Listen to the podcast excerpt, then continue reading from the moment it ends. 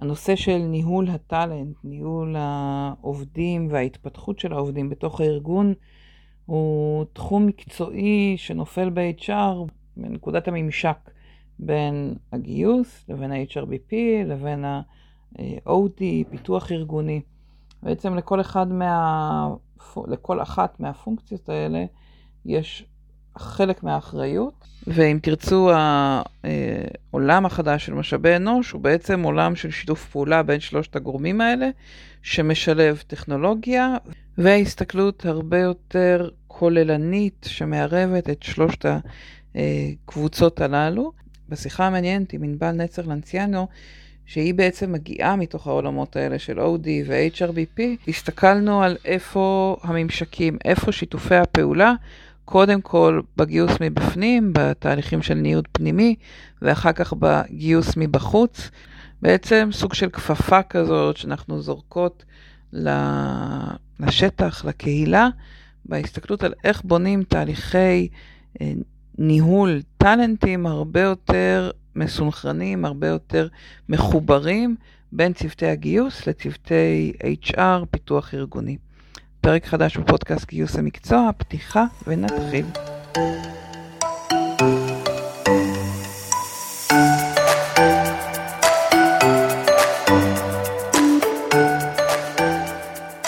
אז צהריים טובים. ואמרנו ככה לפני שהפעלנו את ההקלטה, כיף שאת פה, ענבל, אהלן. מה נשמע? בסדר. טוב שאת פה, וטוב ש... אני אגיד, טוב שיזמת את ההזדמנות הזאת. ואנשים הרבה פעמים שואלים אותי איך אפשר לבוא, להתארח, אני, אני, אני מעכשיו אגיד להם, תלמדו מענבל, כי uh, באמת uh, הנושא של היום זה, זה 100% יוזמה שלך, אז קודם כל תודה על, ה, נקרא לזה, הרמת ה... אה, כפפה, דגל, על עבודת המחקר, עבודת הרקע ככה, בלבוא ולהגיד יש פה נושא שנראה לי חשוב גם לנשות, אנשי משאבי אנוש וגם לצוותי גיוס. ו...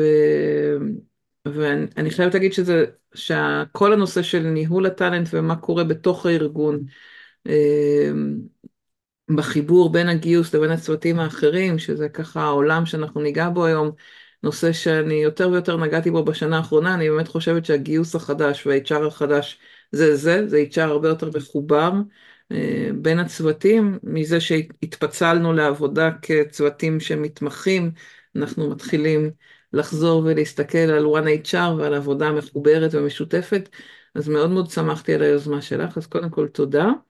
ולפני שנצלול לתוך ה... נקרא לזה התוכן המקצועי, אני אשמח אם אה, תוכלי לספר לנו קצת על, גם על מה את עושה היום, על העסק שלך והפעילות שלך, וגם על, אה, קצת על מסלול הקריירה שעברת, אנחנו כולנו מתעסקות בעולם של קריירה ו, אה, ואנשים בתוך ארגונים, אז תמיד שמחה ש, שאנחנו רואים את המסלול שעוברים, הנה ההליקופטרים מעליי, אז אני אשתיק אותי רגע שלא יהיה רעש. טוב, אז אה, תודה רבה מורית על ההזדמנות והנכונות והשיתוף פעולה. אה, אני יועצת ארגונית עצמאית כבר כמה חודשים אה, ואני עושה בעיקר ליווי מנהלים וסדנאות אה, וליווי של צוותי פיתוח ארגוני בארגונים יותר קטנים או HR עם NOD mm-hmm. ומבחינת רקע אז התחלתי עם מאיה בחבר הון אנושי בגיוס אה, ואז עברתי, התחלתי תואר שני, אז עברתי לאינטל למשרד סטודנט, אה, למי פה שחוותה ומכירה, אה, mm. והמשכתי בחלק של הגיוס, היו לי כמה מחלקות וכל מיני סוגים של תפקידים. ואז בגלל שהתחלתי יחסית מוקדם בתור סטודנטית, הייתה לי יתרת לימודים ארוכה, אז עברתי לצוות של ההדרכה. וממנו, כשסיימתי את הלימודים, הלכתי להיות יועצת ארגונית בחיל אוויר, אה, לממש את לימודי הייעוץ הארגוני בעצם, והייתי שם אה, כמעט ארבע שנים.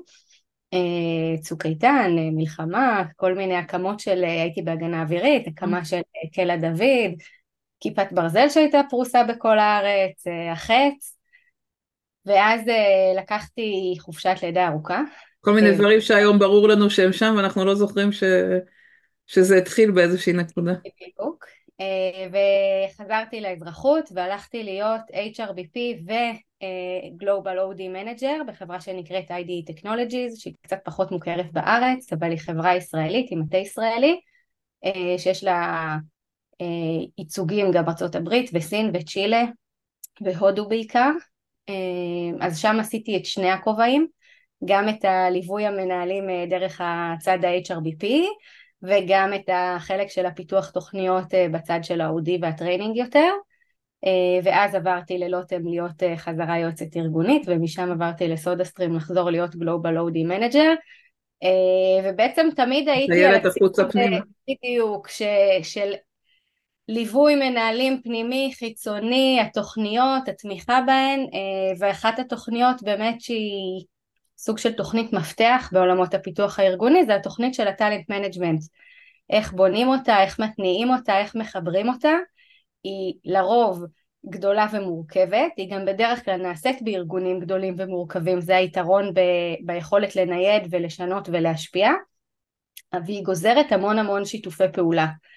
אה, ואחד מהם, ולשמו התכנסנו, זה באמת מהמקום הזה של אה, זה לא יושב רק אצל בן אדם אחד וזה לא נתמך רק על ידי אה, סוג אחד של אנשים, זאת אומרת ה-HR של המחלקה, ואני חושבת שהשיתוף פעולה פה בבניית התהליך, בהיכרות איתו, בהבנת המשמעויות שלו ובדרך שמבצעים אותו, אה, היא, היא גם עם צוותי הגיוס, ולכן חשבתי שכדאי לפתוח ולהציף את זה.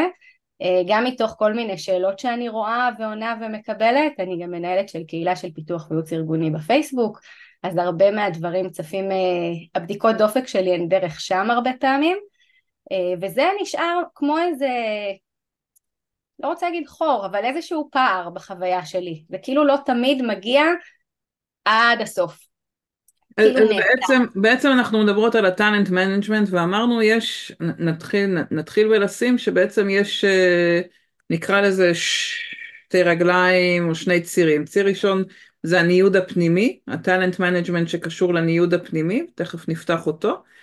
והשלב הבא, אחרי שעשינו ניוד פנימי, אנחנו צריכים גם להביא מבחוץ ונדבר על, אה, באמת על, על החיבורים בין המחלקות, או קראנו לזה איך, איך לנהל את ה... אסטרטגיית הניוד הפנימי כחלק מה talent management, אבל בעצם אנחנו מסתכלים על talent management זה כל הדומינו הזה, גם הדומינו הפנים ארגוני וגם אז כשמגיעים, מביאים מבחוץ איך אנחנו מנהלים את זה ואנחנו מסתכלות בעצם היום ויש פה על הקו גם מי שמגיעות מהצד של הגיוס, נגיד מי שהגיעו ממני באו מהעולם של הגיוס ומי שהגיעו ממך אה, מגיעות אה, אני מניחה או מה-HR או מהגם וגם ואני חושבת שהאומנות שאנחנו רוצים לנסות לדבר עליה זה בעצם איך אנחנו עושים את זה ביחד, איך מנהלים נכון את הניוד הפנימי, כשאני אגיד, אני כל הזמן, נקרא לזה רגע, סליחה, נותנת בראש לגיוס למי שלא מתעסקים בזה. למי שניוד פנימי לא באחריות שלהם, אני אומרת, אתן חייבות לקחת את זה לאחריות שלכם, אתן חייבות אה, לפחות לשתף פעולה, להיות יותר אונר, יותר מעורבות. אז, אז בואי נתחיל רגע ולדבר על הניוד הפנימי, ו- ואני אומרת, אנחנו לא מתעלמות ממה שקשור לה בחוץ, אלא זה השלב הבא. מה, מה בהסתכלות שלך, ודווקא מתוך זה שרוב השנים היית בעולמות של OD ופיתוח ארגוני וה-HR, מה, מה במה שאת רואה, או, אה, או, או על מי צריך לשבת, על מי צריכה לשבת האחריות לדעתך של, של ניוד פנימי, על HRBP או על גיוס? אז אני אגיד רגע מילה לפני, שכשאני מתייחסת ל talent management, אני מתייחסת על משהו רחב. זאת אומרת, אני מתחילה אותו באיזושהי הסתכלות אסטרטגית על מה טוב לארגון, מה טוב לפרט בארגון. איך משלבים את השניים ביחד כדי שלשניהם יצא טוב. איזה אזורים צריך עוד לפתח ולשמור ולתכנן וכל מיני כאלה. ואז חלק מזה זה באמת אה, הבנה של אני אצטרך לעשות פה ניודים פנימיים, זאת אומרת אני בונה פה איזשהו תהליך. עכשיו, אם אני כ-OD מסתכלת על התהליך, ומאתרת איפה יצטרכו להיות ניודים פנימיים, זה הסימון הראשוני. עכשיו זה איזושהי הבנה שמגיעים אליה לרוב בשיחות עם מנהלים, עם ה-HR. זאת אומרת הם בחלק הזה כבר מתחילים להיות מעורבים.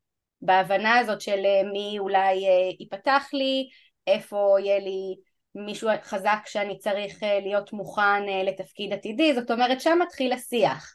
כשאת אומרת, אבל, אבל רגע כדי שנ, נתעכב על מה שאת מתארת עכשיו, השיח הוא הולך להיפתח לי פה תפקיד, או השיח הוא הולך להיפתח לי פה תפקיד שאני רוצה מישהו מבפנים, רוצה מישהו מבפנים. כי, כי בתפיסה שלי לא תמיד הם יודעים נכון. בכלל שיש בכלל הזדמנות של מישהו מבפנים. לרוב נדבר על איזשהו תפקיד ונגיד זה תפקיד שקריטי שיהיה לי פה מישהו מוכן עם הידע והניסיון להחליף במידת הצורך. ואז זה כבר תלוי ארגון, האם הם ממש מנתחים uh, תוך כמה זמן uh, יש פה סיכון עזיבה, או אולי אפילו סיכון קידום, זאת אומרת מישהו שאנחנו יודעים שהולך להתקדם ובעצם נצטרך להחליף אותו. אז את מדברת רגע על הקריטיות של התפקיד, לא על, דווקא על התפקיד ולא על הפרסונה, הבן אדם עוד רגע. זה לרוב במקביל, אנחנו נסתכל גם על התפקיד מהצד הארגוני וגם על הבן אדם מהצד הפיתוחי ונצליב את שני הכיוונים ואז באמת אנחנו רואים שאם יש לי תפקיד שהוא מאוד קריטי או מישהו שהוא לקראת קידום, לקראת התפתחות, הוא כבר בשל לשלב הבא, אני צריכה להתחיל לחשוב מי יחליף אותו אם, אם זה משהו שדורש הרבה ידע או הרבה ניסיון, בין אם הוא קריטי או בין אם לא, יש פה כל מיני כבר טרמינולוגיות של אה, הגדרות של אה, כן. כל, כל מיני כותרות, אבל שם זה מתחיל להיפתח. בשיח הזה של תחילת התהליך יחסית, של המיפוי שנעשה עם המנהלים של בין אם אותם מחלקות או סמנכ"לים או בכל ארגון ה-level שמעורב בזה קצת שונה, ואנחנו מתחילים לסמן בעיגולים נגיד כל מיני מקומות שאנחנו נצטרך מחליף, נצטרך לקדם לשם מישהו, ככל שזה ידע שהוא יותר אה, מקצועי ורלוונטי לאותו ארגון, לרוב ירצו לקדם מישהו מבפנים, כי להביא מישהו מבחוץ ידרוש הרבה החלפה, אם זה תפקיד בכיר זה גם יכול אה, להעליב נגיד את מי שכבר בפנים, זאת אומרת האינטרס של הארגון לרוב יהיה קודם לקדם מבפנים, או להזיז, גם זה יכול להיות מקביל, מישהו שכבר עשה תקופה במשהו מסוים ויכול לעבור אה, להחליף בעצם, לעשות איזושהי רוטציה. אבל שנייה, זה כבר, זה כבר הפתרון. אני, אני רגע הולכת עוד צעד אחורה לפני הפתרון, ומה שאני שומעת אותך אומרת, זה, זה שני דברים. אחד זה ה-ownership של ה-OD או ה-HRBP לשיחות השוטפות האלה, להסתכלות עם המנהלים על ניהול הטאלנט, שאני אגיד זה באמת מקום שבדרך כלל הגיוס פחות נכנס אליו, לבירור בסדר, כל, כל עוד זה לא מישהי שהיא עושה גם וגם וגם וגם, כן? אם זה one woman או one man show, אז, אז היא כן בשיחות האלה, אבל אם באמת זה נפרד, גיוס ו-HRBP, אז זה באמת ownership שהוא בדרך כלל יותר של HRBP או של OD, ואת אומרת, יש פה ownership לללכת ולהיות בשיחות האלה ששואלות את השאלות, גם על התפקיד וגם על הפרסונות. מי האנשים שהולכים... שבטייק הבא.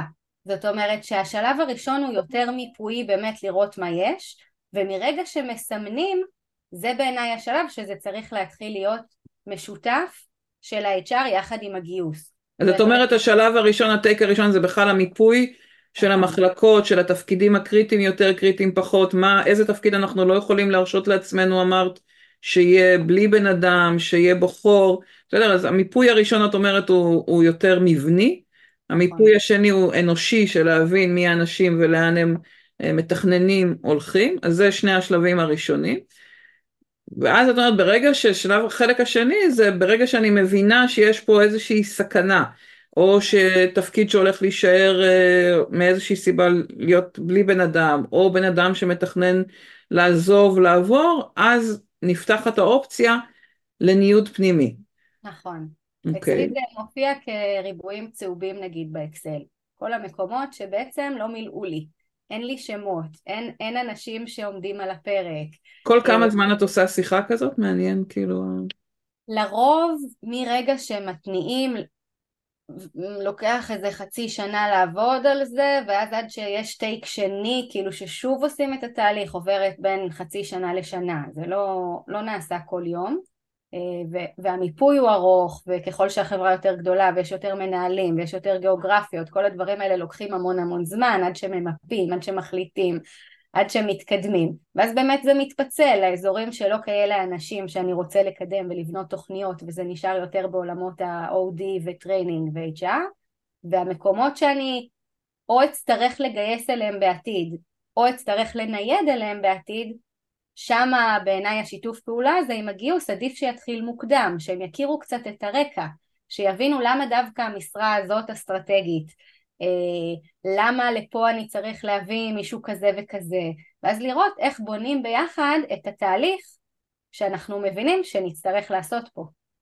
כן, אני, אני חושבת שזה מעניין כי ב, בחיים של גיוס הקצב הרבה יותר מהיר, כן? הקצב הוא לא פעם בחצי שנה כי גם לא עושים מיפוי של כל הארגון, אלא יש יותר מענה לצורך, או איזושהי תוכנית של מקימים מחלקה חדשה, אז אין בעיה, אז יש כאילו היערכות של כמה חודשים לפני, אבל אה, לרוב זה מאוד uh, אצבע על הדופק, ואנחנו צריכים מישהו לאתמול uh, שיהיה שם בתפקיד, זה יותר, נקרא לזה הקצב. Uh, ואני חושבת שאול, שאולי זה חלק מהיופי באמת בשיתוף פעולה בין HRBP או OD והגיוס זה החיבור בין התשתית או ההסתכלות הרחבה לבין הקצב היותר מהיר והצורך שנפתח או פה מישהו הודיע שהוא עוזב ותוך 30 יום צריך לאייש את, ה, את התפקיד. אני חושבת שגם שה, לגיוס יש הסתכלות שהיא כלל ארגונית, היא אולי לא על המבנה ועל באמת על ה... talent management ברמה עמוקה של הפנימית בתוך הצוות, אבל זה כן על כל המנהלים או על כל התפקידים, ו... וגם אני רוצה לה... לשאול, ככה כי התחלת לגעת בזה סביב ניוד לתפקידים שקריטי שלא יהיה בהם חור, אבל אני רוצה להגיד שניוד זה בעיניי גם פתרון למישהו שנמאס לו ומשעמם לו ורוצה לעבור מתחום לתחום. וזה גם באזורים היותר פשוטים נקרא לזה, כי זה לא דורש עכשיו מיפויים ומעורבות אה, ארגונית כוללת סביב זה. אה, ושם גם הדינמיקה בין ה-HR לגיוס היא נורא חשובה בלהבין מה בעצם הצורך ומה באמת מחפשים ומה המנהל חושב על זה ואם יש פה כל מיני התנגדויות פנימיות כי גם זהו, זה... כמה פתיחות את רואה שיש לזה מעניין? אני חושבת שזה נורא נורא תלוי גם פרסונלית במנהלים וגם באופי של הארגון, עד כמה הוא מאפשר. אני חושבת שככל שארגון בנוי יותר על שיתוף פעולה ועבודה לקראת אה, מטרה אה, ממוקדת, ארגונית, יותר קל לבצע את השינויים האלה. כי אם כל אחד הוא סוג של בסיילו או מחלקתי או מה, יהיה לי חסר, אני לא משחרר, לעומת יש פה מישהו ממש טוב שיכול לתרום ברובד רחב יותר, אז בסדר, ייקח לי זמן קצת למצוא מחליף או ללמד מישהו אחר, אבל יש פה מטרה יותר חשובה, אז תהיה יותר נכונות לעשות העברות פנימיות. זאת אומרת, ברגע שלא כל אחד מסתכל רק על הצוות או המחלקה שלו, אלא רואה ערך בשיתוף פעולה, בהיכרות הפנימית במעגלים רחבים יותר, אז יש יותר סיכוי שזה יבוא כאילו בקטע טוב למנהל אה, ויצליח אה, לעבוד. שמה אה, שאת מתארת עכשיו, ואני חושבת שזה אחד האתגרים הכי גדולים סביב ניוד פנימי, כלומר ההתנגדות של מנהלים, ואני רואה חלק מהנהנות, אז לא אמרנו קודם, אבל אתן מוזמנות מאוד מאוד אה, להגיב, לכתוב, לשאול, ככה, גם אם, רוצות לפתוח מיקרופון, כי אנחנו קבוצה לא מאוד גדולה, אבל 50 אה, איש על הקו, אז אפשר אם תרצו להצטרף ככה או לשאול. אני חושבת ש...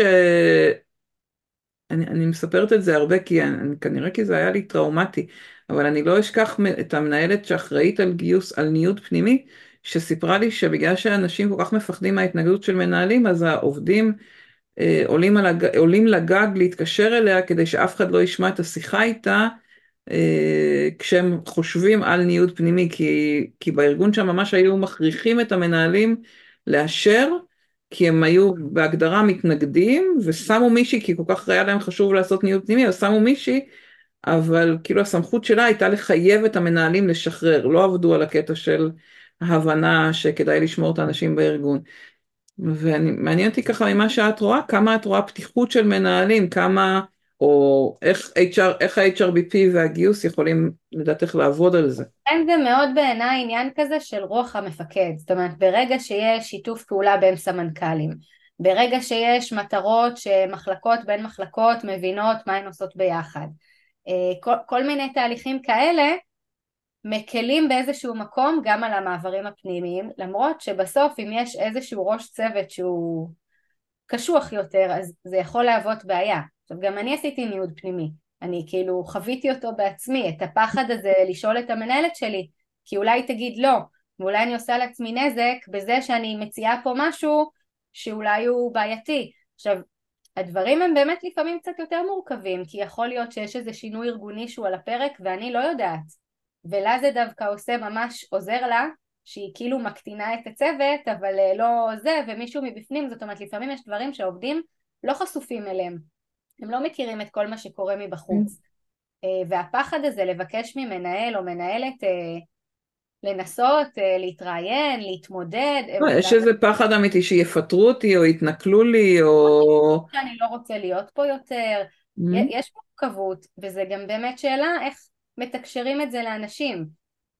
האם מוציאים משרות פנימיות ויש איזה כוכבית למטה אה, של אה, מי שמעוניין, בואו תדברו עם צוות הגיוס, נעשה אפילו איזשהו אבחון ראשוני, בואו נראה אם זה בכלל מתאים, בסדר? לפני שאתה מדבר עם המנהל, אה, סודיות מובטחת. זאת אומרת אבחון ראשוני כאילו עם, עם העובד, עם העובדת, שהעובדים מוזמנים?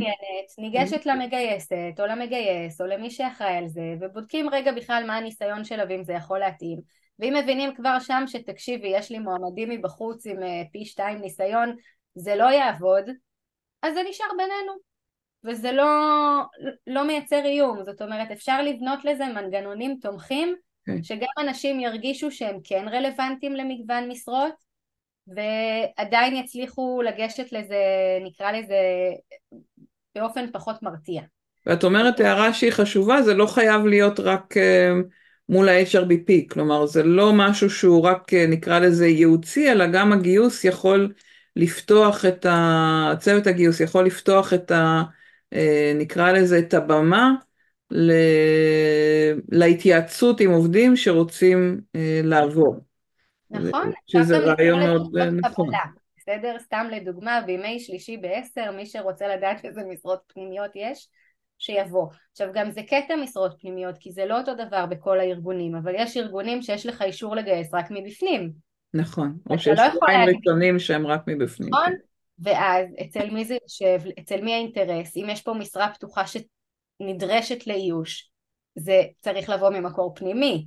צריך להיות פה איזושהי נכונות גם לשחרר, כי אתה מבין שבמצב כלכלי של ארגון, או כל מיני עניינים כספיים אחרים שלא מאפשרים גיוס מבחוץ, זה אינטרס ארגוני. אז גם כאן איך המסר הזה בעצם עובר למנהלים וממי, האם הוא מגיע מה-VPHR שמסבירה להם את הצורך עכשיו והחשיבות, האם זה ה-HRית שמלווה אותם שמעבירה להם את המסר, זאת אומרת זה לא רק יושב על צוות הגיוס, זה צריך להיות יותר רחב, ואז להיבנות ביחד, אה, וכן חלק מזה יכול לשבת בדיוק אצל המגייסת שגם ככה מכירה את הדרישות או את המחלקה ולא בהכרח אצל ה-HRBP שמלווה בשוטף, מאוד תלוי בדינמיקה ביניהן. אז אני קודם כל מאוד מסכימה איתך על זה שזה שותפות, אני חושבת שזה לחלוטין שותפות, וגניה מעלה פה שתי שאלות או הערות ככה ש, שאני חושבת ששווה להסתכל עליהן. הראשונה זה שבחלק מהמקרים כשיש היכרות פנימית עם עובדים לא תמיד רוצים לקבל אותם במחלקות אחרות. אה, יכול להיות אפילו רפיוטיישן רע למישהו במחלקה אחת ולמרות שהוא פשוט לא התאים שם ויכול מאוד להתאים במקום אחר פתאום אה, דווקא למעבר זה יכול ליצור איזשהו אנטי אה, וגם השאלה של מה קורה עם מישהו שלא התקבל למשרה בתוך הארגון איך מטפלים בזה אני, אני יודעת מה אני חושבת אבל בואי תגידי את מה, מה ראית ש, שחשוב לעשות ואני אוסיף לזה את הפרספקטיבה. אני חושבת שבדרך כלל צריך לבנות איזשהו היגיון שהוא לא פר עובד ספציפי. זאת אומרת... מנגנון את אומרת, איזשהו תהליך. איזשהו נוהל, נוהל מעבר פנימי. ואז אתה כבר מגדיר כאילו מה, מה נכון לארגון, אולי זה רק מישהו שהוא מעל שנה בוותק, בסדר? כדי לראות שמיצינו אותו בתפקיד שאליו הוא גויס. אולי אם זה סטארט-אפ שצומח, אה, מכפיל את עצמו כל חודשיים, זה לא סעיף שהוא רלוונטי. אולי בארגון אחר כן. זאת אומרת, מה אנחנו קודם כל מצפים? אה, כי אם גייסנו אותו לתפקיד מסוים והוא כבר רוצה לעבור לתפקיד אחר אז אולי מראש הוא לא התאים, לא יודעת. אני חושבת שהוא מראש לא התאים לתפקיד שהוא נכנס אליו אבל אני דווקא בגלל זה חושבת ש... ש... שככל שארגונים יורידו, אני חושבת, כן, יורידו חסמים אה, כאלה של שנה או שנתיים, אני לא אומרת אוטומטית להעביר כל אחד, אלא באמת לבדוק התאמה, אבל דווקא ההזדמנות, אם גייסת מישהו בטעות לתפקיד מסוים, והוא לא מתאים לתפקיד, והוא לא נהנה מהתפקיד, והוא לא מתפקד טוב בו, הוא, היא, לא מתפקדים טוב בתפקיד, אז יש לך שתי אופציות, או שהוא יגיד טוב אז אני קם ועוזב, או שתגידי, רגע, בוא נבין למה לא השתלבת טוב בתפקיד הזה, ובואי, את יודעת מה, יש לי תפקיד אחר הרבה יותר מתאים לך. נכון, כלומר, זה אני חושבת לא שהחסם הזה של השנה, שכאילו באמת רוב הארגונים שמים אותו, הוא עושה נזק לארגון, כי זה דוחף את הבן אדם לעזוב. כל מה שהשקעתי בו הולך לפח. ככה לפחות אולי אני עוד ארוויח משהו, כאילו שמים עליו את הבעייתיות בזה שהוא לא ישתלב בתפקיד, במקום להגיד לא, אולי התפקיד לא התאים לה. ובואי נעשה את העבודה כדי למצוא תפקיד שיותר מתאים לה. אם הבן אדם בעייתי, אין בעיה, תיפרדו ממנו, אבל אם הסיפור פה הוא פשוט התאמה לתפקיד, אז אין לזה בעצם משמעות ל... בעיניי.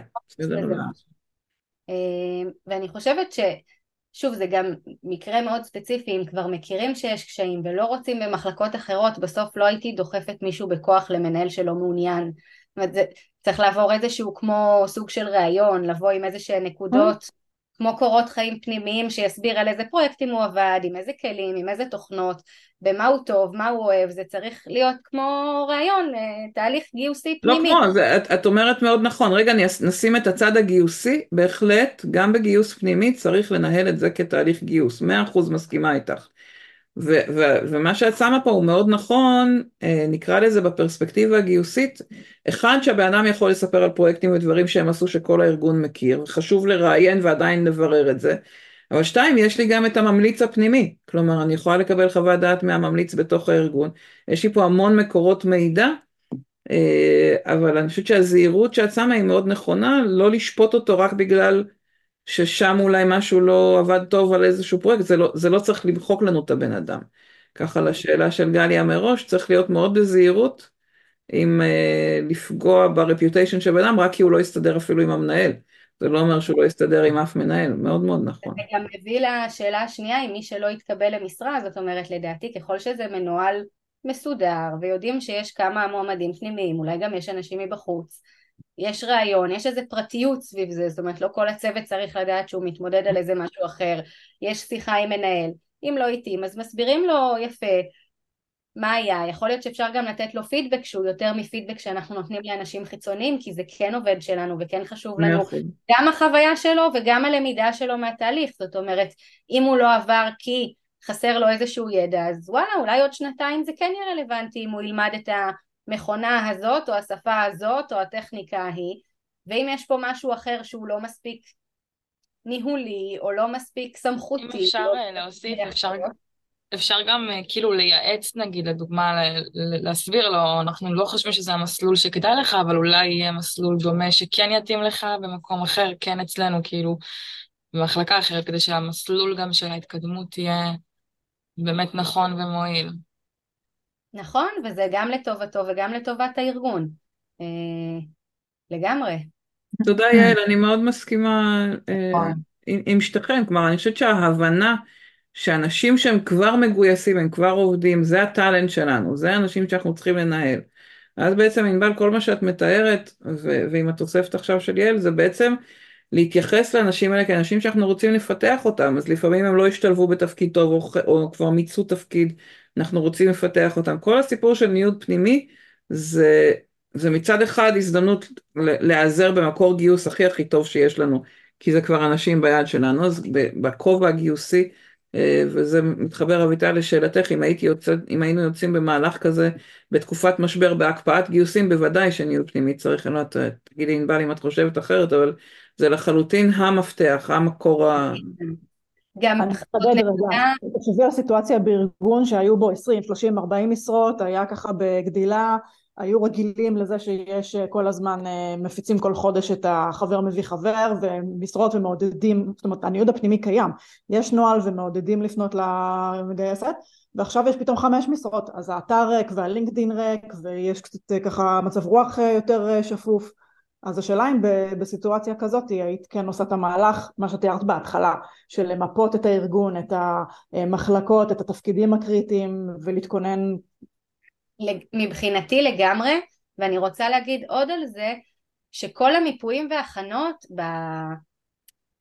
במאחורי הקלעים זה באמת מאוד ספציפי, זה כי יש דוחות ויש מספרי משרה ומספרי דרגה וכל מיני נתונים, אבל בשיח עם העובד או עובדת או מנהל או מנהלת, אני לא מעבירה להם מסר של תראה ראינו שאתה מתאים להחליף את ה-CFO אז עוד שנה וחצי הוא כנראה יעזוב ואתה תחליף אותו. זאת אומרת, לרוב השיח סביב כיוון התפתחות ושאיפות להתפתחות ואיך אנחנו יכולים להכין אותך יותר טוב, אז גם אם עכשיו יש רק חמש משרות, ההבנה הזאת של מה קריטי ומה לא, ומי מוכן ומי עוד לא, ואיך לבנות את זה נכון זה, זה זמן טוב, כי עד שהם יהיו מוכנים ועד שהכל יבוא לידי מימוש, זה יכול להיות שכבר תהיו במצב אחר, יכול להיות שלא, ואז תראו איך אתם מנהלים את זה, אבל אפילו לתת לאנשים את התחושה שרואים אותם, שמבינים איפה הם נמצאים, ששואלים אותם מה מעניין אותם ולאן הם רוצים, ועוזרים לתת להם את הכלים האלה, לסגור להם את הפערים ולהכין אותם ולהתאים,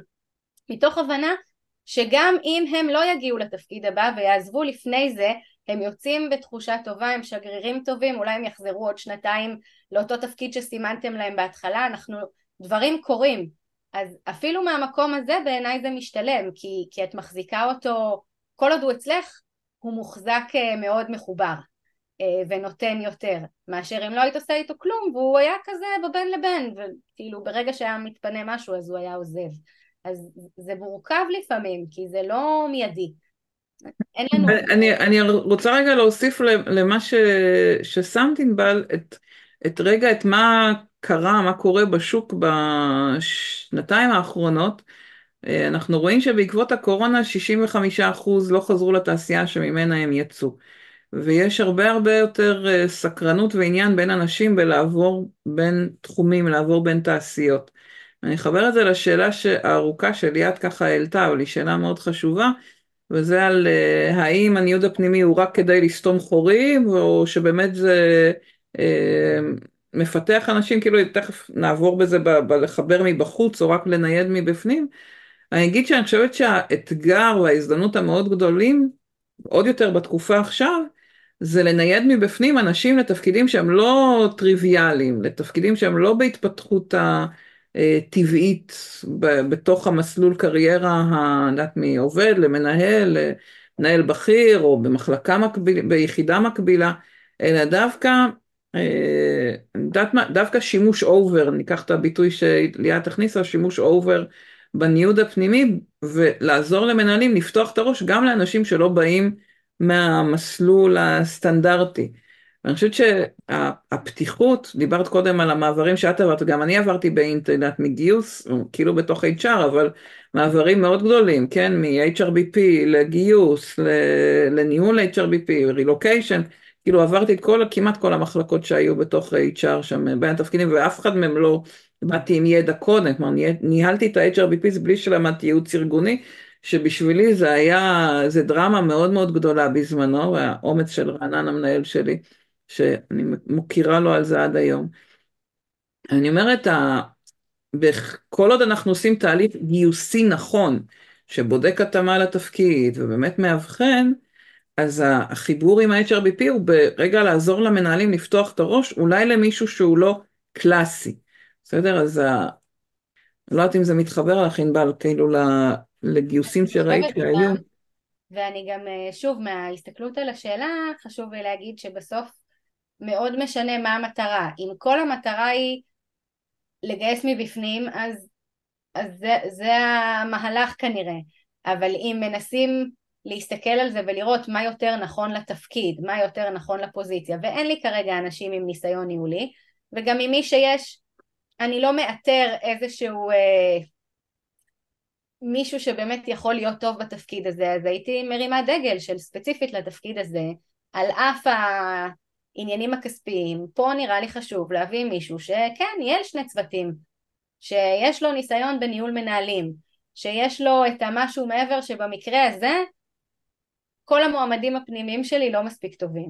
אז אה, כי זה גם באמת משנה אם אני עושה את הניוד הפנימי כקידום, כלהפוך למנהל, או אם זה משהו רוחבי, כי אם יש לי כמה חבר'ה אה, באותו לבל שאחד מנהל צוות של שניים ואחד מנהל צוות של עשרה ואחד שעכשיו הגיע ואני צריכה לבחור איפה לשים, אז, אז אולי גם זה יכול להיות פתרון, זאת אומרת איזושהי, איזשהו שינוי של כוח אדם, אבל uh, אם אין לי מישהו פנימי טוב והצורך הוא רק כספי, הייתי מאוד מנסה להעביר את המסר שזה לא תורם לי לארגון, uh, הניוד הפנימי הזה בדמות קידום. אני מאוד מסכימה, אני רק חושבת ש... שלרוב צריך את ה... הרבה מנהלים צריכים את העזרה בהסתכלות הקצת יותר, אה, נקרא לזה, ליאת אומרת שהיא couldn't agree more. אני חושבת שליאת, אה, אני, אני כן אה, נקרא לזה, את, אני אתעקש טיפה על המקום, אני לחלוטין מסכימה עם בעל עם, עם הבדיקה ולראות באמת מה נכון לתפקיד. רק אומרת, הרבה מנהלים רגילים להסתכל בצורה, סליחה, מאוד שמרנית על מה נכון לתפקיד. ואני חושבת שהתפקיד שלנו הוא רגע לעזור ולדבר על ההזדמנויות שיש לעובדים, ול talent management אמיתי, ולהתפתחות אמיתית, ולמעבר בין תחומים, כאילו להתייחס ל talent שיש בתור באמת בן אדם ש... שהוא אצלנו, ואנחנו רוצים למנוע את העזיבה, ולפעמים כולל מעברים, ודווקא המעברים האלה פותחים איזו אה, הסתכלות חדשה, כאילו ש... שאולי לא הייתה קודם. זה... זאת אומרת, אוקיי. אני לא יודעת כמה יצא לך להיות מעורבת כאלה במעברים, אני פשוט רואה מנהלות גיוס שנגיד באו מרכש ובאו ממכירות, ודווקא המעברים האלה הם מדהימים, בכניסה מבחוץ לתוך HR בידע רחב על הארגון ועל פחות על התפקיד. יש המון דוגמאות, גם בסודה סטרים היו כמה דוגמאות של אנשים שעברו מכספים ל-IT, כל מיני שינויים שנראו היה קצת אה, הזויים אפילו בשנייה הראשונה, אבל למשל בשינוי הזה מישהו שמכיר את המערכות, שעבד עליהן כמשתמש פעיל, ופתאום עובר לצד של לתת תמיכה על אותן מערכות שהוא עבד עליהן עד לפני רגע, אז הוא לא סיים תואר בהנדסה, אבל הוא מבין שם ממש כל כפתור, כל דבר לעומק, איפה ההודעות שגיאה, איפה זה לא עובד טוב. זה היה פתרון אדיר, זאת אומרת לגייס מישהו עם כזה ידע על המערכת שהוא בא מעולמות ה-IT היה הרבה יותר מורכב, אז יש המון מעברים פנימיים שהם קסם, אה, כאילו ממש אה, מביאים אה, ליכולות מוצלחות ולהתקדמות טובה. יש מקומות שזה לא מצליח, גם זה קורה, אה, אבל כמו בכל... אה, כמו בכל גיוס. תהליך HRי ותהליך בכלל. אז רגע בואי נאסוף את ה... נקרא לזה את הזרוע הזאת של הגיוס הפנימי לפני ש... לפני שנעבור ל talent management, אה, נקרא לזה הרחב יותר, אה, ואת אומרת שה ownership של ה-HRBP זה המיפוי עמוק הזה של מבנה התפקידים והרצונות או תהליכים היותר אישיים. הגיוס... שמים איזושהי הבנה של לאן הארגון הולך. זאת אומרת, יכול להיות שאחרי נגיד אה, תוכנית עבודה שנתית שממפים יעדים, אסטרטגיה, ואז עוברים לתהליך הזה ומבינים שאחת המחלקות כנראה תצטמצם כי ירדה הפעילות, סתם אני אומרת, בשוק הולנד, לעומת זאת אה, טכנולוגיה חדשה נכנסת ונצטרך שמה להתקדם. ואז מתחילים לבנות את זה לאור האסטרטגיה החדשה, ואנחנו מבינים שאו שנצטרך לנייד מהאזור שנסגר לאזור שמתפתח, או שנצטרך לגייס חדשים כי זה ידע שלא קיים בארגון, או שאפשר לאלה להסב את אלה, זאת אומרת יכולות להיות הרבה נגזרות של תהליכים שקורים בארגון שיובילו אותנו להשפיע בסוף דרך אותו ניוד פנימי, כי אני יודעת שיש לי איזה מישהו שהוא היום אה, יושב באיזשהו אה, עולם תוכן, אבל במקור הוא גם היה הנדסאי, ובעצם אני יכולה להשתמש ב, בידע והניסיון הזה שיש לו, שהיום לא בשימוש, אבל בתפקיד הקודם שלו זה כן היה, ויכול להיות שזאת התפתחות שדווקא נורא תעניין אותו, כי הוא ישתמש בידע שכבר יש לו, אולי זה אפילו יהיה כביכול יותר בכיר, כי זה... לא, לא יודעת, אבל כל הזמן יש לנו שינויים בארגון של מחלקות גדלות, נסגרות, אה, מתעצמות, משתנות, והיכולת הזאת למפות מי בעצם יש לו גם איזה תואר שני במשהו רלוונטי, מי אנחנו יודעים שישתמש בתוכנות כאלה וכאלה, זאת אומרת זה גולש פה כבר לעניינים של סקילס ואיך אנחנו מנהלים אותם בארגון, אבל זה אחד הכלים לצורך המעברים הפנימיים האלה שיכול מאוד מאוד לעזור. כשאני יודעת על איזה כלים הוא עבד, באיזה פרויקטים הוא השתתף, איזה ידע ארגוני כבר יש לו, איך אני יכולה לנצל את זה יותר טוב.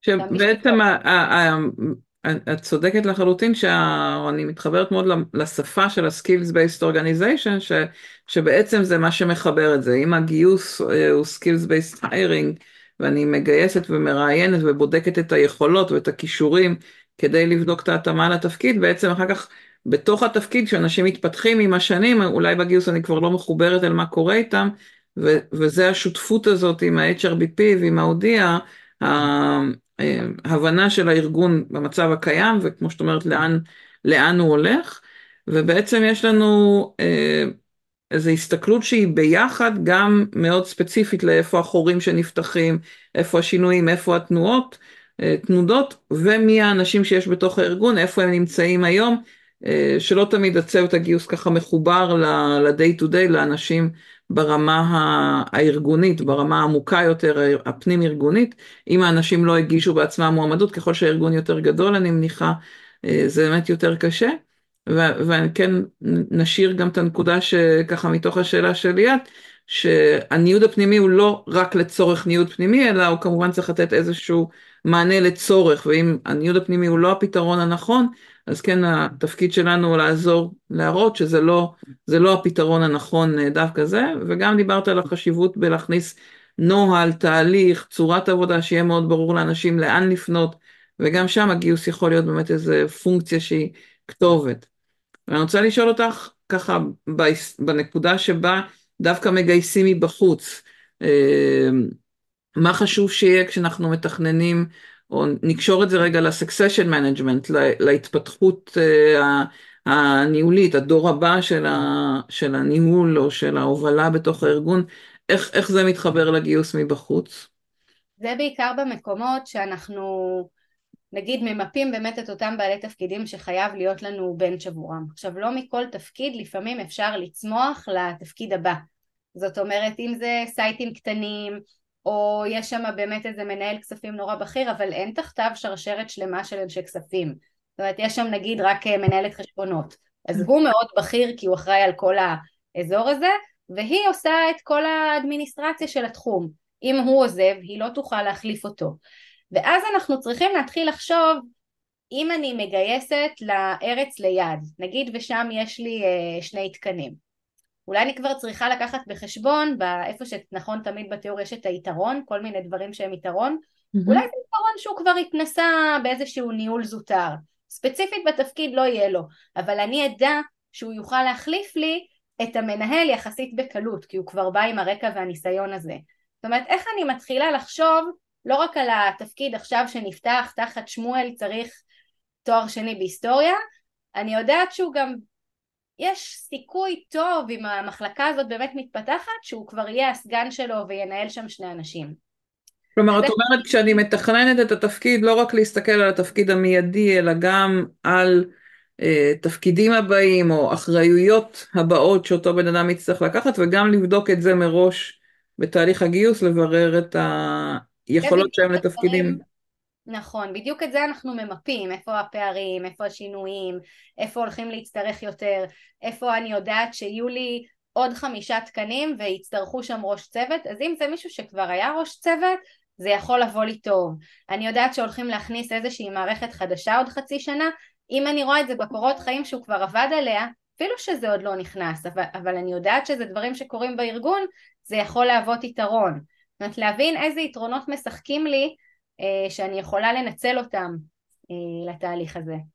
אז בואי תנסי, ת, ת, תעזרי לנו להבין קצת יותר את כל הנושא של succession management, של, של איך בונים תוכנית, אה, נקרא לזה החלפה, כי חלק מהמגייסות או ממי שמובילות, מובילים את הגיוס בארגון, אין להם HRBP, אין להם OD, כלומר הן אה, אחראיות על הכל.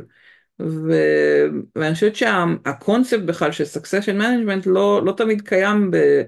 אה, בארגונים, אלא יותר מין אה, מעכשיו לעכשיו. מה, מה חשוב לעשות כדי להתחיל לבנות תוכנית succession, תוכנית החלפה כזאת? אז באמת מתחילים באיזושהי הגדרה של מה, מה קריטי לי, או מה, מה אני חייב. מה אם מישהו מחר בבוקר יודיע לי שהוא עוזב, תוך חודש אני לא אצליח לתפור את זה מספיק טוב. זאת אומרת, גם אם אני אגייס מבחוץ, יהיה לי פה פער, לא יהיה לי מי שילמד, לא יהיה לי מספיק אה, ידע ארגוני לחפוף. זאת אומרת, מנסים לאתר את הנקודות האלה. עכשיו, הרבה פעמים זה תפקידים בכירים בארגון, אה, כל מיני סמנכ"לים כאלה, ולפעמים זה תפקידים, נקרא תפקידי מפתח כאלה, אה, עם איזשהו ניסיון ייחודי. אנחנו חברה של שבבים, אבל אנחנו מייצרים איזה משהו מסיליקון, שרק אנחנו עושים אותו. או אנחנו איזה מפעל שעושים משהו עם אה, זכוכית ואין את זה בארץ אין, אין מתחרים בתחום הזה אף אחד לא יודע לעבוד על המכונות האלה אז הכי בכיר בתחום אני לא יכולה לבנות על זה שאני אוכל להחליף אותו עם מישהו מבחוץ. את אומרת אני... דווקא ככל שהארגון מתעסק בתחומים יותר ייחודיים, אה, נדירים, שלא קיימים בארץ, לדאוג ל... ל... אה, לבנות קאדר עתידי כזה. נכון. ואז אני מסמנת לי את המקומות האלה ובודקת, בודקת כמה אנשים יש במחלקה הזאת, בצוות הזה, מי כבר ותיק, מי כבר מנוסה, למי גם ככה רוצה להתפתח, ומתחילה לראות איזה פערים יש, האם יש לי פערי ידע, האם יש לי פערי ניסיון, האם יש לי פערים בתחום של הניהול, זאת אומרת מה אותם אנשים יצטרכו כדי שהם יוכלו להחליף.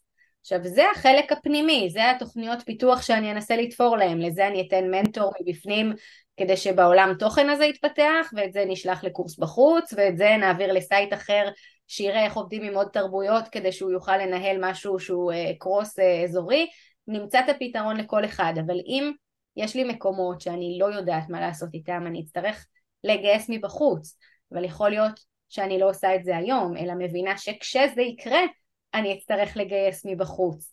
אז, אז צריך... בעצם תעזרי לי להבין מה, מה, איפה את רואה את הקו שעובר בין הגיוס מבפנים והגיוס מבחוץ, כאילו מה יגרום לי דווקא להכניס מבחוץ אנשים לתפקידים ולא לא להישען על הכוחות הפנימיים?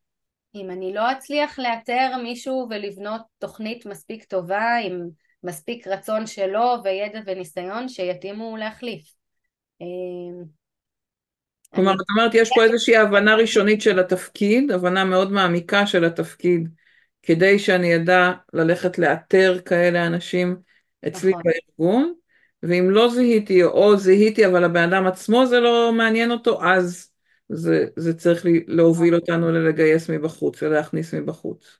ויכול להיות שהגיוס הזה מבחוץ לתפקיד שפתוח לי עכשיו הוא בעצם במחשבה שהוא גם יוכל להחליף את ההוא עוד שנה, שנתיים אה, כשהוא יעזוב. זאת אומרת, כן חשוב לי שמעבר לכל מה שהוא צריך לתפקיד, יהיה לו גם, לא יודעת, היכרות עם אה, נדל"ן מסוג כזה, או ראיית חשבון מסוג אחר, או עוד איזה משהו שהוא כאילו לא רלוונטי בדיוק לתפקיד. אבל אני כבר שמה בראש שהוא העתודה שלי לתפקיד אחר, אם אני אצטרך. ו- ואיך את רואה את החיבור בין הגיוס ל-HRBP ול-OD? כלומר, אני חושבת שככל שהארגון יותר גדול באמת יש יותר תתי צוותים, הסיפור הזה של אה, כל אחד מרגיש שזה ה ownership שלו, ומה את נכנסת לי לתחום שלי, ומה, כאילו כל אחד, uh, את יודעת, יש הרבה, אה, נקרא לזה בעלות. תחושת בעלות, וזה תחושת גבולות כאלה של לא להתערב אחת לשנייה. מה, איך את רואה כן. נכון לבנות את השיתוף פעולה הזה בתוך HR? אני חושבת שהייתי מנסה להבנות את זה כמשהו שהוא כזה כמו של תחילת שנה, כמו שעושים את התוכנית ואז מתניעים את התוכנית הזאת, אז ברגע שעושים איזשהו מיפוי, זו נקודת עצירה שמרחיבים טיפה את הצוות שמסתכלים על מה שמיפינו. זאת אומרת, אם מיפינו עכשיו את אה, גרמניה, אנגליה וצרפת, ולכל אחת מהן אה, יש אה, מישהי אחרת שאחראית על הגיוס, אז אני אשב עם שלושתן, נגיד להן תראו עשינו איזשהו מיפוי, הבנו מה התפקידים, מה פה, מה שם, חשוב שתבינו איפה, שוב אצלי זה היה תמיד צבוע בצהוב, איפה הפערים שצבועים בצהוב, ואנחנו נגיע אליהם במהלך השנה. זאת אומרת חשוב שתבינו, רגע, אני לא מספיק מבינה את התמונה, כאילו מי, מי מוביל את זה לדעתך, או את מי את מכניסה לחדר בשיחה כזאת? אני רגילה בשיחה כזאת שאני מובילה, אה, זאת אומרת... שאת כ-VP HR? כ-OD manager, שבונה את התהליך, ולוקחת את ה-HR שמלווים ביום יום, ואת הגיוס שילוו בעתיד כשנצטרך, ואומרת להם זה המיפוי, פה יש לנו פערים, פה צפויים פערים, כאן כרגע זה סגור, לא אמורה להיות בעיה, שימו לב ש, שיש יותר סיכוי למעברים פנימיים, כאילו לתת איזושהי תמונה של מה מיפינו. ישבנו, מנהלים, אנשים, HR, עברנו, טחנו את כל התפקידים ומה חשוב ומה יותר ומה פחות, בואו תראו קצת איפה זה נמצא. ואז אפשר גם קצת להגיד, תראו, זה, זה הולך לגדול, פה יש צפי שיתכווץ, יכול להיות שבעתיד נצטרך להעביר מפה לשם. אז אם אתן מקבלות בחודשיים הקרובים, עוד לפני שיוצאת הודעה רשמית, על מישהו שרוצה מעבר פנימי, תדעו שזה דווקא למנף את זה, כי זה יכול לבוא לנו טוב אחר כך. כלומר, את אומרת האודי, לא רק שהיא נקרא לזה יועצת ארגונית פנימית ל... אה, למנהלים, אלא גם סוג של תפקיד של ייעוץ פנימה בתוך HR, מין הובלה של העבודה המשותפת בתוך HR. נכון, עכשיו זה לא שהיא תלווה את זה מעבר לזה, זה, זה העברת מקל, מפה זה ה-HR והגיוס ביחד, הם במחלקות האלה, היא כבר uh, עברה לדבר הבא. Uh, אבל עכשיו יש לי איזו הבנה שהולכים להיות שינויים במחלקות, שיש פה כל מיני נושאים שאנחנו פחות חזקים בהם, שהולכות להיפתח משרות לאורך השנה בתחומים האלה, איזושהי הבנה של uh, מה, מה התכנון. ואז ברגעי האמת זה כבר לא להתחיל מההתחלה ולחזור אחורה ולהסביר, כבר יש איזשהו ידע והיכרות, וזו שותפות שצריך להחזיק. אז אם אני מבינה אותך נכון, ענבל, מה שאת אומרת זה שהשותפות היא HRBP והגיוס, ככה לליווי השוטף של המנהלים, מי בצד היותר אסטרטגי וה... שמסתכל על כל הארגון ומי בצד היותר גיוסי שמסתכל לעומק על הדיוק של הבן אדם בתפקיד, והשיתוף פעולה ביניהם, האודי נכנסת כמי שמובילה את, ה... את החיבור ביניהם או בונה את התשתית לחיבור ביניהם, כדי שאחר כך בשוטף אז אפשר יהיה כבר לעבוד לפי הנוהל או לפי איזשהו תהליך יותר סדור אה, וגם יותר פרסונלית עם האנשים בהתפתחות האישית שלהם. ו... ובאמת ההזמנה או ההמלצה שאני שומעת ממך זה לבנות איזשהו תהליך שהוא, אה, שאולי לא כל יום, אה, לא כל חודש נכנסים ובודקים אותו, אבל בונים איזושהי הסתכלות כללית על הארגון ואחר כך כבר יותר מנהלים את זה במקום היותר פרסונלי או... יכול להיות שאחרי חצי שנה יהיו שינויים ומה שרצינו לא קרה ומה שקרה זה לא מה שתכננו ושווה לעשות איזה אישור קו. אה, וגם את זה יותר קל לעשות כבר אחרי ש, שפתחנו באיזשהו אופן, שייצרנו את הגשר הזה. ואז עושים איזשהו, איזושהי התעדכנות של מה עכשיו הציפייה, מה עכשיו התוכניות, אם יש דגשים מיוחדים, שתהיה תמונה קצת יותר גדולה. מעולה. אנחנו בעשר דקות האחרונות, אז גם אם יש למישהי שאלות, אה, אני מאוד כן, אני גם, אה, אני אשמח לשאול, כי אה, אני מקבוצת יעל פה מצוות הגיוס, ואנחנו בעצם צוות גיוס כללי של כל הקבוצה, אבל כן יש לנו חטיבה מאוד גדולה של outsource, אז גם יש לנו המון ניודים כאילו פנימיים בתוך ה outsource. אז זה טיפה אחרת, אנחנו מנסים כל פעם לייעל את התהליך כמה שיותר, כדי שגם, זה, בגלל שזה מיקור חוץ, אז זה גם קורה יותר. אה, כאילו, יש לנו נגיד רשימה שיכולה להגיע פתאום ל... אפילו עשרים, של אנשים שנגיד אה, מחצית, uh, מחצית אה, מבקשים ניוד שקט, ניוד פנימי כאילו שאנחנו מחפשים להם, והוא יכול גם להיות יותר זמן, כי זה באמת דיסקרטי ושקט, אבל יש כאלה שנגיד, או uh, uh, מפוטרים או פרויקט הסתיים ואנחנו ככה גם בלחץ למצוא להם את המקום הבא. אה, אז גם חשוב שככה אה, צוות הגיוס יכיר אותם אה, בדרך שאנחנו מנסים תמיד להקל עליהם ולשלוח ככה כמה שיותר מידע על כל אחד באיזה תחום הוא. לא יודעת, אולי יש לכם עצות מסוימות איך לייעל גם תהליך שהוא כזה חיצוני קצת. שאלה מהממת. ניתן לענבל קודם ואני אגיד אחר כך. הבנת את המודל כן, שעליו יעל שואלת? הם עוברים בתפקידים של מיקור חוץ מתפקיד לתפקיד? כן, אם יש לנו גם בתוך החברות בת אז זה גם אפשרות, אבל אה, לדוגמה יש לי מנהל פרויקט בחברת ביטוח מסוימת והפרויקט אה, הסתיים, או שהוא פוטר כי היה צמצומים, אז אנחנו בעצם רוצים למצוא לו את המקום הבא שהוא יישאר איתנו. אה, אז זה המטרה. כלומר, אנחנו, זה ניוד פנימי, אבל זה חברה שבנויה, או החלק של ה outsourcing בנוי על פרויקטים בבנקים, בחברות...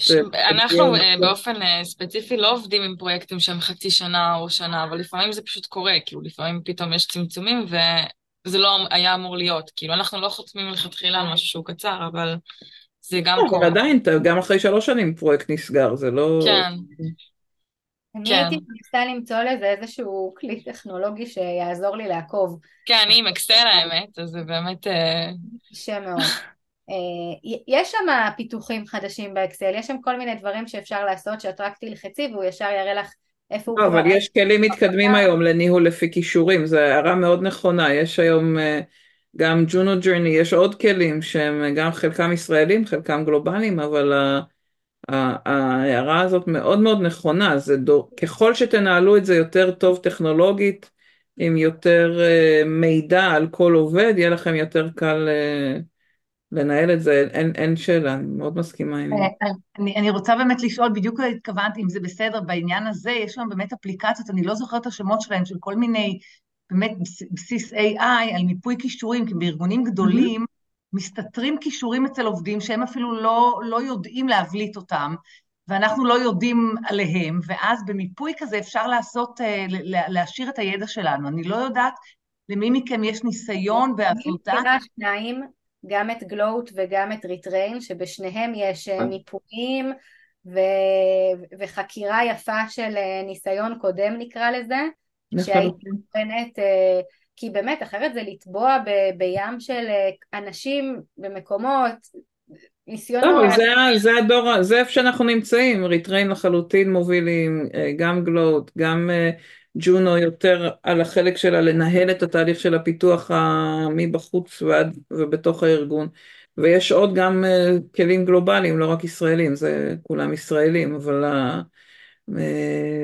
אני, אני לחלוטין מסכימה שזאת המטרה ואני אגיד ש, שזה בהחלט חיבור בין צוות הגיוס ל-HRBP כלומר זה כן, אני מצוות הגיוס ו...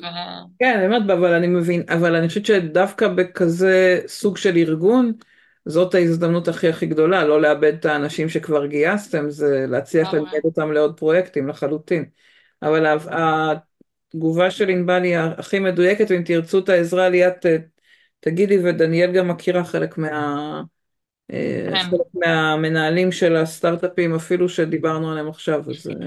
כי כשאני נכנסתי לתפקיד בעצם, האחריות הזאת, אז uh, אני יותר הבאתי את הפן השירותי האישי, כאילו, את השיחה המקצועית הטכנולוגית עם המועמד, להבין מה הוא מחפש, מה הוא מבקש, מה חשוב, אבל את שמה פה משהו הרבה יותר תשתיתי שהוא נכון בארגון כמו שלכם. לחלוטין, כן. לחלוטין נכון. אני רוצה רגע, סליחה, יש פה עוד שאלה של היילי, את הרמת יד, אז אם מוזמנת לפתוח את המיקרופון. כן, היי. אה, נעים מאוד. לי יש אה, שאלה יותר במקום התפעולי, מקווה שכן יש לזה מקום פה, אם לא אז... אה, בואי תשאלי. אוקיי, אז אני, אני עוצבת גיוס ביוניליבר, ואנחנו חברה בעצם מאוד מאוד גדולה, שיש בה כמה וכמה חטיבות, ובתוך החטיבות יש מחלקות, וכל, ובעצם הניודים הפנימיים אצלנו עובדים בצורה של מגישים איזשהו טופס אינטרנל עם קורות חיים.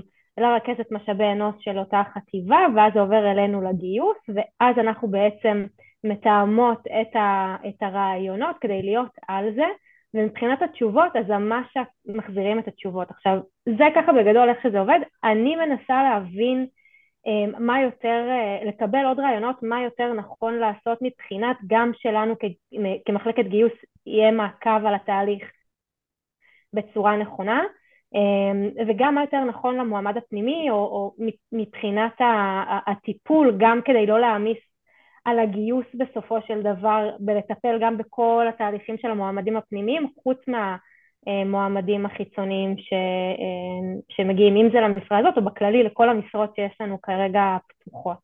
מקווה שככה הצלחתי להעביר את השאלה בצורה ברורה.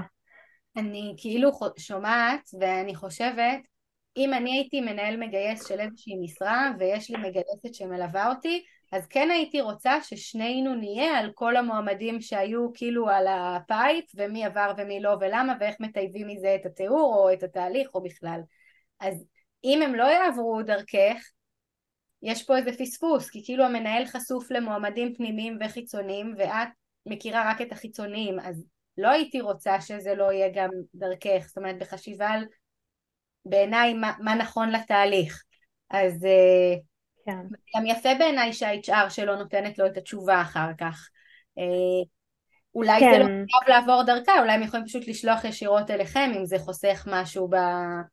אמ, אז, אז זהו, שפה, אמ, סליחה שגדלתי אותך, פה, אז באמת אנחנו על זה מבחינת ה- לתאם את הרעיונות או להיות מקוטבות לפחות ברעיונות, כי בגלל שזה לפעמים מחלקות בתוך חטיבות, אז ככה המזכירה הזו מטפלת ברעיונות למנהל הזה, זה ככה יחסית אני, אני, אני אעצור שנייה, כי אנחנו לא נפצח את כל המבנה של אה, יוניליבר ככה בדקה כן. שנשארה, אבל השאלה היא... ברור. שנייה, אני אומרת, השאלה היא, השאלה היא מאוד מאוד חשובה, ודווקא אה, בגלל שרינת עברה בעצמה ועשתה ניוד פנימי אה, משמעותי והיא יודעת מה זה אומר לעבור בתוך הארגון, אני חושבת ש, שראוי להסתכל על החוויה של אנשים שעברו את זה ומאוד הצליחו ולראות מה היה חשוב להם. הייתי ממש עושה קבוצת מיקוד של אנשים בפנים שעברו בשנה, שנתיים, שלוש האחרונות, מה עבד טוב, מה היה קשה, מה כן עבד, מה כן הם היו, כאילו לא להסתכל, אני אומרת, יש ערך לדעות של ענבל ושלי, אבל אני חושבת שדווקא, ו- ואני אומרת, בגלל שאני מכירה את רינת, אז אני יודעת את, ה- את התהליך הזה, והיא תמיד, היא מישהי שאני מספרת עליה, של איזה יופי שעברה לתוך הגיוס מעולם הביזנס, ואני אומרת, דווקא מתוך החוויה שלה ושל עוד אחרים שעברו ככה, אתם יכולים להבין מה עובד היום טוב ומה לא. לא לנסות לבד, אה, להגיע לתשובות לזה לבד, או איתנו כנקרא לזה חיצוניות, אלא דווקא הייתי הולכת פנימה לאנשים בתוך הארגון, לעשות איתן את, ה, את השיחה הזאת, ובהחלט להבנות את זה, בדיוק כמו שענבל אמרה, להבנות את התהליך המובנה ש, שמאפשר לעשות את הניוד גם הפנימי וגם אם צריך מבחוץ, אבל שמאפשר לעשות את זה בצורה מסודרת ומובנית ותשתיתית, ולא, ולא רק ככה כי בדיוק נפתח תפקיד ויש מישהו ועל הדרך עובר. אני אומרת, עצם השאלה שלך היא נהדרת, הייתי לוקחת את זה כפרויקט כדי לבנות, כי צריך להבין, האנשים שכבר אצלכם ביד כל כך אוהבים את הארגון והם לא רוצים לעזוב, זה המתנה, את זה אתם רוצים לשמור. אז צריך להבין דרכם איך לבנות את זה בצורה שהכי תשרת אותם ואותכם כארגון. אומרת, זה ה... כן. סתם, סתם כי אני מכירה. ו... כן, רציתי לקבל פשוט עוד, עוד, אה, עוד זווית אה, ראייה. תודה רבה. אני מקווה שזה עזר, ואנחנו בכוונה לא נותנות את התשובה, כי התשובה, כי זו שאלה שצריך להמשיך לחקור אותה. כן. היא, זה, זה הדבר העיקרי שככה, לפחות ממני. אז קודם כל כבר חלק התחילו לכתוב תגובות ואנחנו בזמן ואנחנו צריכות לסיים. אז ענבל, קודם כל תודה רבה, תודה לכל מי שהיה פה ותודה לכן על השאלות הבאמת אה, מעניינות וככה מאתגרות את, את הנושא, וזה נושא שרק נגענו בו בקצת.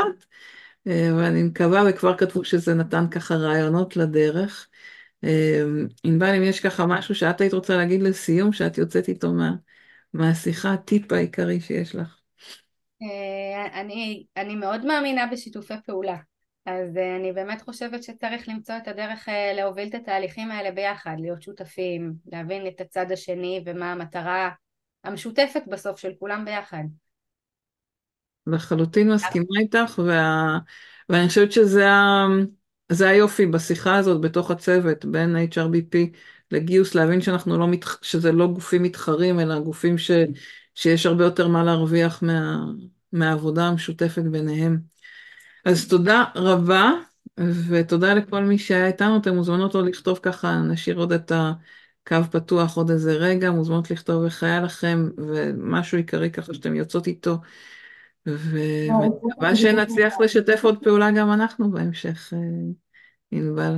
אני אשמח מאוד מאוד. תודה רבה. תודה. תודה לכם. תודה לכולם. ואיזה יופי של תגובות כותבים. מאוד. ממש ממש. תודה רבה. תודה ענבל. תודה. ביי.